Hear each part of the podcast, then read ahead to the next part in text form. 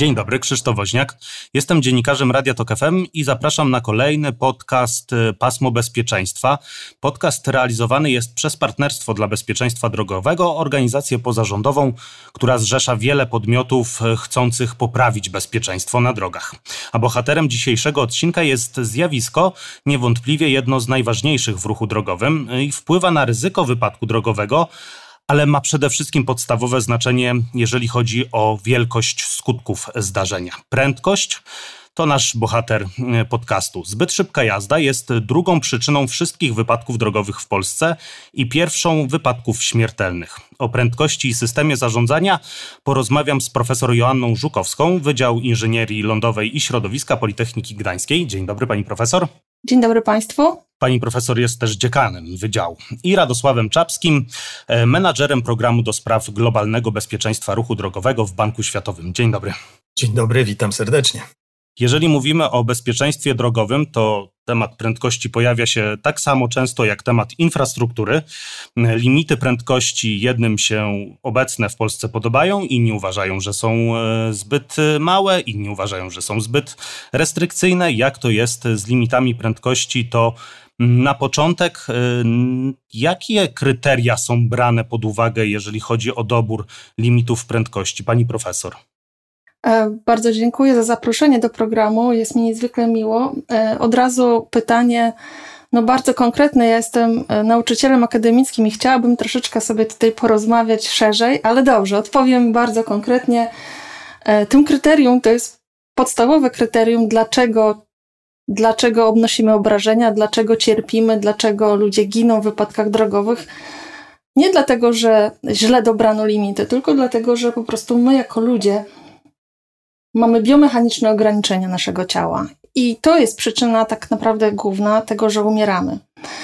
E, I te biomechaniczne ograniczenia naszego ciała powodują, że powinni byśmy byli ci, y, którzy tworzymy system, na to właśnie najbardziej zwracać uwagę. Czyli stworzyć taki system, który pozwala ludziom uniknąć e, tego, e, o czym mówimy, czyli ciężkich obrażeń i śmierci na drodze. Mogę dodać e, pytanie pomocnicze, ale jakieś kryteria musimy przyjąć, jakieś jednak limity musimy sobie w założeniu też przyjąć na drogi, no bo e, to co w takim razie powiedzieć ludziom, ludziom macie się przemieszczać e, z prędkością bezpieczną i to wy macie zdecydować, jaka ta prędkość na danej drodze będzie?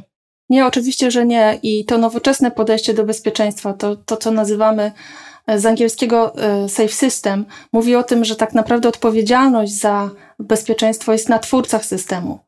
To twórcy powinni, e, tworząc system i oferując go do użytkowania e, ludziom, e, wziąć odpowiedzialność właśnie za to, co wytworzyli. W odróżnieniu od tego tradycyjnego podejścia, kiedy to za błędy popełnione w systemie każe się zwykle użytkowników, ale o tym może jeszcze za chwileczkę, za chwileczkę powiem, więc wracam do tych kryteriów. E, w takim dobrze ułożonym systemie. To jest bardzo skomplikowane. W ogóle wiecie Państwo, ruch drogowy jest systemem e, wielu, wielu naczyń połączonych, wielu e, instytucji połączonych. Także nie da się jednym ruchem powiedzieć, poprawić bezpieczeństwa, tak? I w związku z tym powinniśmy byli sobie to systemowo układać. I jeśli chodzi o ograniczenia, czy kryteria ograniczenia ruchu drogowego, one wychodzą po po, po, e, po pierwsze, i w zasadzie e, co najważniejsze, one wychodzą z tego, że jako twórcy systemu musimy sobie strefować e, ten system, tak? Więc naturalnie mamy drogi pozamiejskie, mamy drogi miejskie, a w drogach miejskich też mamy e, drogi o różnej funkcji. Jeżeli sobie będziemy strefować te miejsca, E, gdzie dopuszczamy ruch ciężki, dopuszczamy na przykład tylko e, pieszych i rowerzystów, dopuszczamy pieszych, rowerzystów i samochody osobowe, to naturalnie wytworzą nam się różne obszary o różnej funkcji i dla tych obszarów i dla tych funkcji my przepiszemy bezpieczną e, prędkość. I teraz pytanie jest właśnie, co to jest za bezpieczna prędkość? Bezpieczna prędkość będzie inna na autostradach, bezpieczna prędkość będzie inna w mieście, inna w strefie tempo 30, inna w centrum miasta, a inna e, na drodze tranzytowej przechodzącej przez miasto. E, I od tego są właśnie inżynierowie, systemowcy, żeby, żeby te prędkości przypisywać. I te prędkości nie są przypisywane ze względu tylko i wyłącznie na czyjeś widzimisię.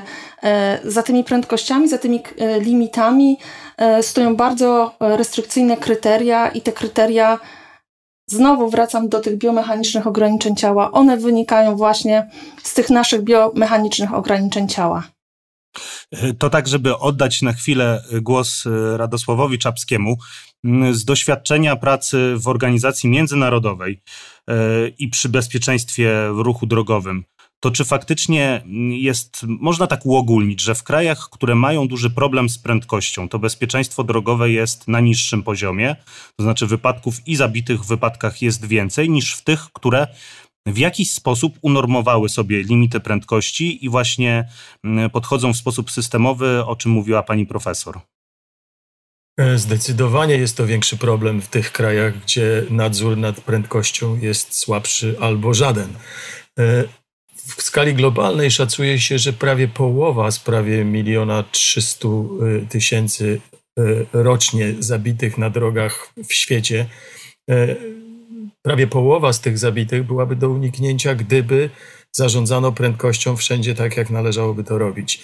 Więc jest to potężny problem i potężny potencjał do wykorzystania, jeśli myślimy o tym, żeby rzeczywiście poprawić bezpieczeństwo na drogach. A, a nie jest to też żadna technologia kosmiczna super zaawansowana Wiadomo, jak to robić, znane są sposoby e, i, i, trzeba tylko skorzystać z dobrych praktyk.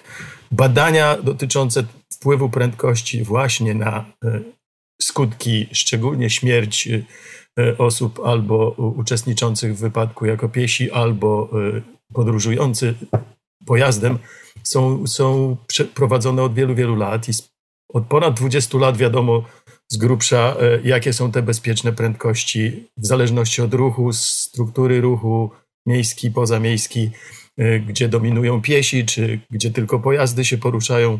I w zależności od tego, jakie są ryzyka, jakich kolizji występują w poszczególnych e, fragmentach sieci. Tam, gdzie są piesi, oczywiście prędkość powinna być idealnie niska, najwyżej 30 km na godzinę bo wtedy szanse przeżycia e, pieszego są na poziomie 90% takiej kolizji. W przypadku, kiedy są tylko pojazdy, e, w szczególności e, tam, gdzie jest ruch ze skrzyżowaniami, patrzy się w uproszczeniu na, na zderzenia boczne, które w przypadku prędkości około 50 km na godzinę też pozwalają prawie 90% uczestników takich zdarzeń przeżyć. Więc są to istotne i bardzo, bardzo silnie zweryfikowane już badania naukowe, które nam o tym mówią. To mam ochotę zapytać Państwa, e, jakie te limity prędkości powinny być na jakich kategoriach dróg? E, przypomnę, że od 1 czerwca w Polsce, o zgrozo, po tylu latach udało się e, na obszarze zabudowanym no oczywiście prędkość wynikająca z ustawy Prawo o ruchu drogowym. Tę prędkość ujednolicić będzie przez całą dobę 50 km na godzinę, tak jak zresztą to jest chyba we wszystkich krajach, przynajmniej e, w Europie. 50 e, km na godzinę, pani profesor, to wynik jest czego tak konkretnie? E, ja tutaj nawiążę do tego, co mój przedmówca mówił, tak? bo, bo są te tak zwane trzy złote prędkości 30, 50 i 70 E, I ta, mm, ta prędkość 50 mówi o tym, że mm, w przybliżeniu oczywiście większość osób, które są uderzone z prędkością pieszych, tak, 50 e, km na godzinę zginie, tak? Czyli jeżeli my mówimy o limicie 50 km na godzinę, to wcale nie zakładamy, że wszyscy będą tyle jeździć. My chcemy, żeby oni jeździli wolniej, maksymalnie 50 km na godzinę w mieście. I to jest tak naprawdę tradycyjne podejście e, do prędkości w mieście, które od wielu, wielu lat w tych najbardziej bezpiecznych krajach funkcjonuje. Dzisiaj oni już przechodzą na 30 km na godzinę.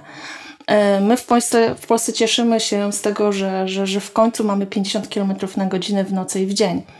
Ale e, chciałabym, mówiąc o tym, e, nawiązać jeszcze, jeszcze do jednej właśnie kwestii, do, do kwestii takiej, że e, dlaczego, dlaczego my mówi, mówimy o limitach prędkości jako czymś, co ogranicza naszą wolność, tak? E, limit prędkości e, kojarzy nam się z czymś przykrym dla nas jako kierowcy, tak? E, a nie powinno tak być. Przecież to jest coś, co nas chroni, bo kierowca jest też bardzo często pieszym, szczególnie w mieście.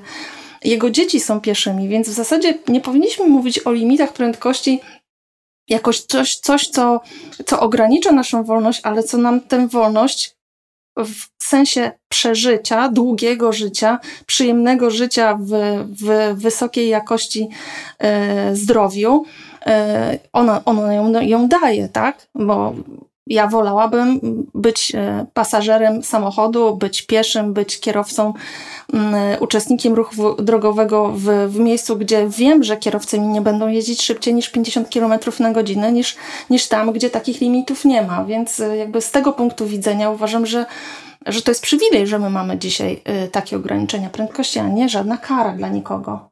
No tak, ale z drugiej strony, i to także w czasach pandemii było wielokrotnie podejmowane, że te limity prędkości w Polsce, już nie mówię o tym e, na obszarze zabudowanym, ale też na innego rodzaju drogach e, są złe. I niektórzy twierdzą, że powinno być tak jak chociażby w Niemczech, że na autostradach nie powinno być limitów prędkości ustawowych, a tylko miejscowe, wprowadzane przez zarządcę drogi na danym odcinku drogi. A były także petycje, żeby zmienić limity prędkości i żeby na autostradach naszych nie można było jeździć szybciej niż 130 km na godzinę, a nawet 120. Teraz przypomnijmy, mamy jeden z najbardziej liberalnych limitów prędkości 140 km na autostradach. Więc y, na naszych autostradach ten limit jest zły, dobry, czy może właśnie kwestia jest tego, że on jest y, nieprzestrzegany i że powinniśmy najpierw się zająć tym, żeby większość jeździła nie szybciej niż 140 km na godzinę, a nie tę prędkość jeszcze bardziej ograniczać. Radosław Czapski. E, oczywiście e, jest to olbrzymi problem i rozgraniczyłbym, czy popatrzyłbym na to z dwóch punktów widzenia. Po pierwsze, problem dobierania limitów prędkości i tego, z jaką dozwoloną prędkością można się poruszać na różnego rodzaju drogach i w różnych strukturach ruchu.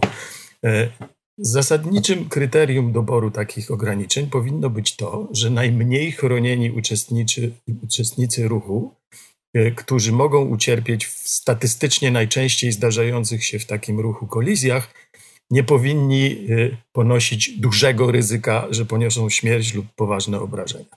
I w tym kontekście ograniczenia tam, gdzie dominuje ruch pieszy albo piesi poruszają się w miarę swobodnie, powinny być na poziomie 30 km na godzinę. Tam, gdzie dominują samochody 50 km na godzinę, tam, gdzie droga, infrastruktura jest w bardzo dobrym stanie, oddzielone pasy ruchu, chronione pobocza, puste, bez przeszkód, e, mogą być e, prędkości ponad 100 km na godzinę. Faktycznie pod kolejnym dużym problemem jest też egzekucja, nadzór nad tymi prędkościami. Jeżeli niestety ludzie e, mają tendencję do tego, żeby uważać się za lepszych kierowców niż rzeczywiście są i e, stanowczo zbyt często nie zauważają, że nie potrafią poradzić sobie z dobrą oceną ryzyka, a także zapominają o prostych prawach fizyki, że energia wzrasta z kwadratem prędkości, więc każde 5 km na godzinę to jest 25 razy więcej energii, którą gdzieś musimy rozproszyć przy uderzeniu. I często to rozproszenie odbywa się w organach naszego ciała, czyli cierpi nasz organizm. Dlatego wszyscy, którzy odpowiadają za ustalanie limitów prędkości, powinni czuć się odpowiedzialni nie tylko za to, żeby postawić znak na drodze, ale za to, że ktokolwiek, kto będzie uczestniczył w jakiejś kolizji na tych właśnie drogach, powinien być chroniony. To jest właśnie systemowe podejście. Wszyscy powinniśmy się czuć odpowiedzialni za to, żeby chronić siebie nawzajem, szczególnie tych najmniej chronionych w ruchu drogowym. Dobrze, to w takim razie powtórzę pytanie, czy na naszych autostradach limit prędkości 140 km na godzinę jest odpowiedni, pani profesor? I od razu drugie pytanie, na ile, to myślę, że pani mm, najważniejsza działka jako inżyniera, mm, na ile infrastrukturą jesteśmy w stanie, ja się nie boję użyć tego słowa, zmusić uczestników ruchu drogowego, kierowców, żeby limitów prędkości przestrzegali? Dobrze, to y, najpierw pierwsze pytanie, a później proszę mi przypomnieć drugie, Dobrze. bo być może zapomnę. Y, dobrze, pierwsze pytanie. Y, czy to jest y, prędkość odpowiednia? Moim zdaniem nie ma takiego wyrażenia prędkość odpowiednia, każdy jest odpowiedzialny za siebie, natomiast twórcy systemu, ci, którzy mm, którzy tę prędkość na, e, narzucają, tak, to znaczy ten limit, e, oni nie powinni być sami, bo powinni być też e, wspierani systemem nadzoru, tak. Ja bym chciała tak naprawdę, żeby nasi kierowcy jeździli 140 km na godzinę i nie więcej na autostradach. Doskonale wiemy, że oni jeżdżą dużo, dużo więcej, więc w tym kontekście jakikolwiek limit nie ma znaczenia, bo nadzór jest tak słaby, że pozwalamy sobie na to, że, e, że wielu kierowców naprawdę e, przekracza tę prędkość i to wcale nie tak, nie, nie wcale o 10 km na godzinę, tylko więcej. Więc e, okej, okay, mamy, mamy limit, jaki mamy. Mamy najbardziej liberalny limit na autostradach, e, jaki mamy. Ja wierzę w to, że z czasem ludzie będą się domagać, e, kierowcy będą się domagać tego, żeby li, limity ba, mamy, były mniejsze.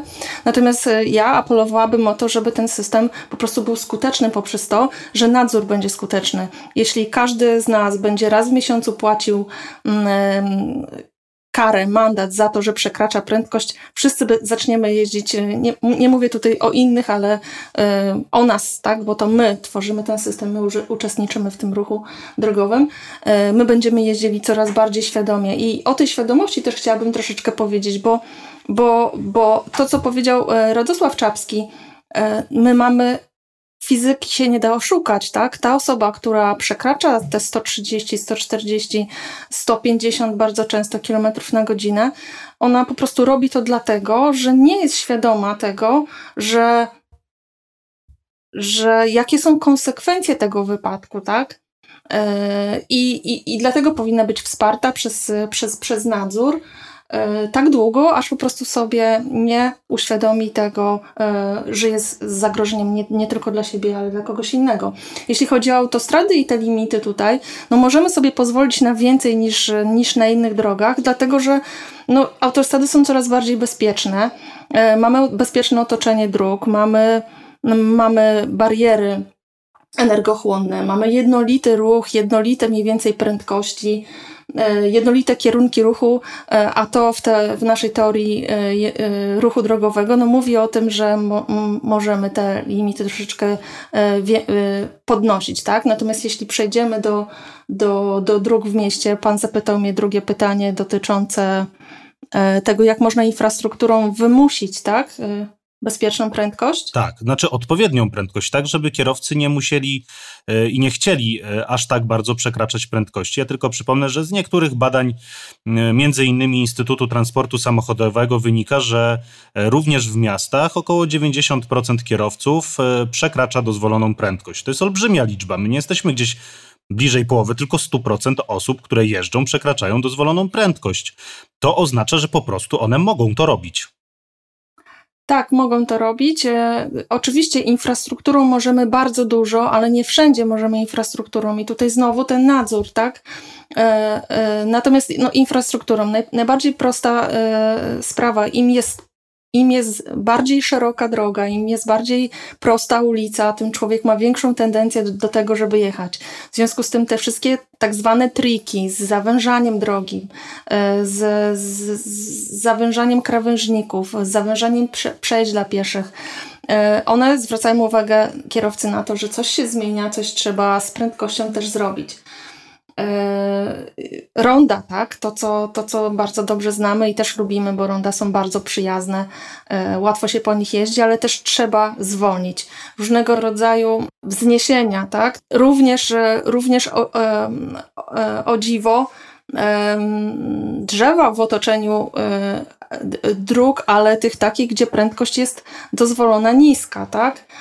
W mieście one e, zawężają tą naszą perspektywę i zmuszają kierowcę do, do, do większej uważności. Generalnie wszystko, co wymusza na kierowcy uważność, e, wymusza to, że, e, że niezwolniony jest on od tego, żeby zwracać uwagę na to, co się dzieje dookoła.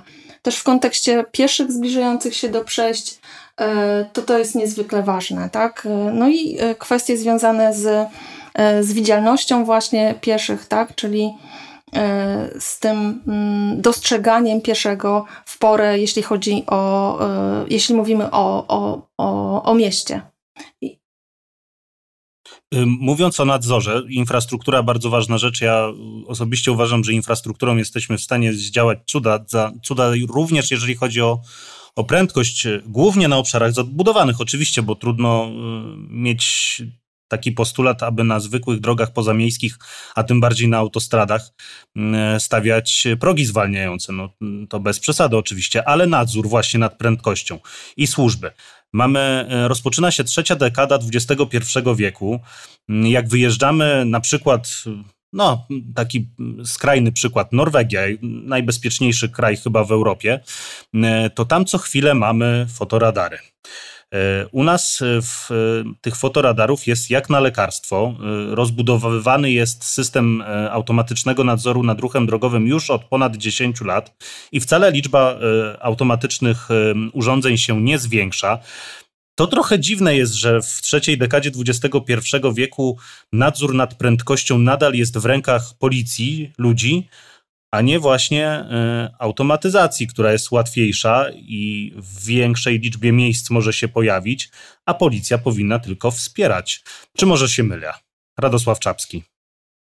A, oczywiście jest dużo problemów z nadzorem nad prędkością. Przede wszystkim jest problem percepcji użytkowników dróg. Y, trochę to jest y, uzasadnione kulturowymi uwarunkowaniami w danym miejscu na świecie. Niektóre kultury są bardziej wolnościowe, inne są bardziej zdyscyplinowane i wspólnotowe, nazwałbym to umownie. W tych bardziej wolnościowych nadzór nad prędkością, ograniczenia i, i wszystkie systemy, które właśnie e, wymuszają odpowiednie limity prędkości, albo przy tym też każą za przekraczanie limitów prędkości, są niechętnie widziane. W tych, które są bardziej społeczne, czy cenią bardziej wartości społeczne i wspólnotowe, tego rodzaju rozwiązania są łatwiejsze. Wydaje się, że Polska należy raczej do tych krajów, gdzie miłujemy wolność i uważamy, że tego typu nadzór e, nad prędkością, który by bardzo, bardzo często i bardzo intensywnie sprawdzał, na ile stosujemy się do e, nakazanych limitów prędkości, byłyby bardzo niemile widziane. I są, słyszymy o tym w mediach. Ale wróciłbym do tego, że jest to odpowiedzialność konstruktorów systemu ruchu drogowego. E, jeżeli rzeczywiście chcemy zapewnić bezpieczną podróż wszystkim użytkownikom, to powinniśmy wziąć odpowiedzialność za ich zachowania, co najmniej w tym samym stopniu jak oni. Innymi słowy, trochę się nimi zaopiekować. E, I w związku z tym nadzór nad prędkością nie powinien być postrzegany jako e, zamach na wolność użytkowników ruchu, ale forma opieki społeczności, nas wszystkich, nad tymi, którzy korzystają z, z infrastruktury drogowej.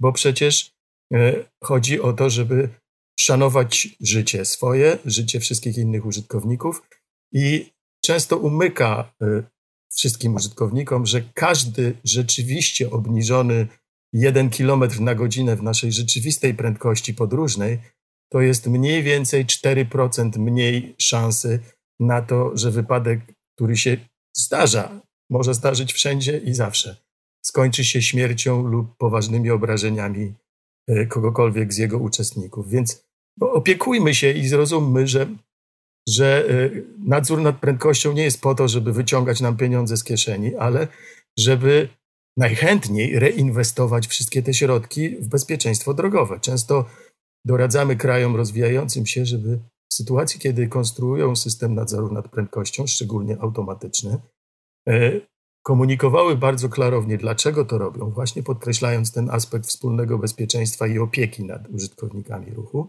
a także, żeby na przykład zaproponowały e, reinwestowanie wszystkich środków, które się uzyska z tego rodzaju e, kar, mandatów za przekraczanie prędkości, właśnie w bezpieczeństwo drogowe, choćby w rozwiązania infrastrukturalne, które czasami bywają wcale niezbyt nie, niedrogie, a przynoszą długotrwałe skutki. No, ja z, z drugiej strony sobie myślę, że fajnie by było, gdyby bardzo mało pieniędzy wpływało z systemu nadzoru nad prędkością, bo to by oznaczało, że większość z nas jeździ zgodnie z tymi limitami, które zarządca, organizator systemu e, wymyślił sobie, wprowadził na podstawie kryteriów, o których rozmawialiśmy, ale też sobie myślę, że jest część osób, do której nie dotrze się w, przez nasze rozmowy, przez system edukacji i one po prostu muszą być wyłapane i nałożona na nich odpowiednio wysoka kara. I to jest ostatnia rzecz, y, o którą chciałbym Państwa zapytać. Pani profesor, y, kara musi być dolegliwa, czyli wysokość kary, czy jednak y, powinniśmy łatać tę dziurę właśnie nadzoru i kara powinna być bardziej nieuchronna? No ja jestem zdania tak, takiego, że kara powinna być nieuchronna i kara powinna być równa wobec wszystkich. Jest taki bardzo słynny przykład sukcesu francuskiego systemu, on się nazywał CSA, e, automatycznego nadzoru nad, nad ruchem, e, nad prędkością. To jest system wprowadzony w latach 2002-2005 bodajże. E, I ten, ten system, wprowadzenie tego systemu no było poprzedzone taką bardzo dużą kampanią kampanią e, społeczną, gdzie przekaz, e, przekaz miał być właśnie odpowiedni do, do ludzi, że nie robimy tego po to, żeby was karać, ale po to, żebyście byli bardziej bezpieczni. I po wdrożeniu tego systemu uznaje się, że liczba, to znaczy liczba zabitych w tym czasie spadła o 30% we Francji, a uznaje się, że 75%, tak mówią badania, 75% mm, z tego spadku to jest właśnie dzięki temu systemowi. Ten system miał wiele zalet. On, on był bardzo szeroko zakrojony na cały, na cały kraj. Y, bodajże mm, każda osoba 7 razy w ciągu miesiąca, każdy obywatel, znaczy każdy kierowca, tak, był sprawdzony przez kamerę. To nie znaczy, że dostał po 7 mandatów, tak, ale, ale jego prędkość została odczytana. E, natomiast to, co ciekawe, 78%, e, bo mam przed sobą ten wynik, e, opinii publicznej odpowiednio odczytało przekaz tej kampanii i przekaz tego systemu. Więc to jest to, na czym nam bardzo zależy, tak? I to, czego boją się poszczególne nasze rządy, wycofując się z tego, moim zdaniem, sztandarowego projektu, jakim powinien być projekt E, poprawy bezpieczeństwa właśnie poprzez automatyczny nadzór nad prędkością, bo to jest sprawiedliwy nadzór. To jest taki nadzór, który nie wybiera sobie ładniejszych samochodów, brzydszych samochodów, e, e, lepszej posady, gorszej posady, obywatela szarego czy jakiejś eminencji, tak? On traktuje wszystkich równo. I myślę, że jako Polacy też zasłużyliśmy sobie na ten system, niestety, pomimo tego, że infrastruktura stoi, tak? Bo przecież mamy tę infrastrukturę, no to niestety brakuje odwagi cywilnej, żeby go uruchomić. Tak jak należy, tak? Bo on y, oczywiście w jakiejś takiej swojej protezie działa, ale ta proteza jest zupełnie nieskuteczna. I ostatnie słowo, Radosław. Co ciekawe, rzeczywiście, jeśli mogę dodać, faktycznie, y, zwłaszcza w nadzorze nad prędkością, y, widać wyraźnie, że jeżeli y, takie automatyczne systemy nadzoru nad prędkością są wprowadzane wraz z dobrze skonstruowaną kampanią informacyjną, z docieraniem z komunikatem odpowiednio do odpowiednich grup użytkowników dróg, to y, można osiągnąć fantastyczne efekty. Podkreślam, skojarzone działanie twardego nadzoru z wyjaśnieniami i komunikacją, dlaczego się to robi, jakie są z tego korzyści. Najchętniej też raportowanie z czasem, ile żyć ludzkich udało się uratować dzięki temu, że mamy te fotoradary czy odcinkowe pomiary prędkości, które są no jeszcze bardziej skuteczne, bo mogą pokryć jeszcze większą część naszej sieci drogowej y, nadzorem nad prędkością. Więc, więc y, dobrze przeprowadzony projekt y, i, zakomunikowany przy tym podnosi szansę sukcesu i z czasem buduje poparcie. A co ciekawe, i być może nasi słuchacze nie wiedzą, nawet w tych słynnych, bezpiecznych krajach jak skandynawskie czy Holandia, kiedy nadzór nad prędkością z jakichś przyczyn jest nieco, e, e, nieco bardziej e, ograniczony, to te takie zdyscyplinowane społeczeństwa też zaczynają coraz częściej przekraczać prędkość i pojawia się więcej wypadków, gdzie prędkość jest głównym czynnikiem, który dokłada się do śmiertelności i poważnych obrażeń. Więc no, działamy zarówno na kij, jak i na marchewkę, a z czasem pod działaniem kija przekonujemy się sami, że marchewka w tym wszystkim i tak jest ważniejsza. To jest to, co powiedziałem, że w momencie, kiedy możemy jeździć trochę szybciej, no to chętnie to wykorzystujemy i to jest bardzo ludzkie. Jak widać, nie tylko w krajach e, wschodu, ale też zachodu, północy i południa. E, bardzo serdecznie Państwu dziękuję. Moglibyśmy rozmawiać o tej prędkości jeszcze godzinami. Niestety musimy e, kończyć. Profesor Joanna Żukowska, dziekan Wydziału Inżynierii Lądowej i Środowiska Politechniki Gdańskiej. Bardzo serdecznie dziękuję. Bardzo dziękuję. Oraz Radosław Czapski, menadżer projektu do spraw globalnego bezpieczeństwa ruchu drogowego w Banku Światowym. Serdecznie dziękuję. Dziękuję bardzo i pozdrawiam. Jedźmy bezpiecznie. Jeździmy bezpiecznie. Również dziękuję Krzysztof Woźniak, dziennikarz Radia Tok FM, zajmujący się tematem bezpieczeństwa ruchu drogowego.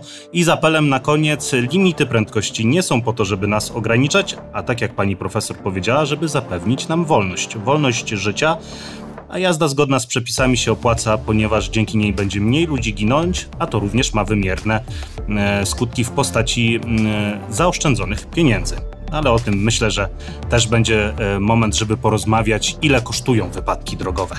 Na dziś e, dziękujemy. Koniec tego odcinka. Zachęcamy do wysłuchania poprzednich odcinków Pasmo Bezpieczeństwa, wszystkie dostępne na stronach internetowych Partnerstwa dla Bezpieczeństwa Ruchu Drogowego.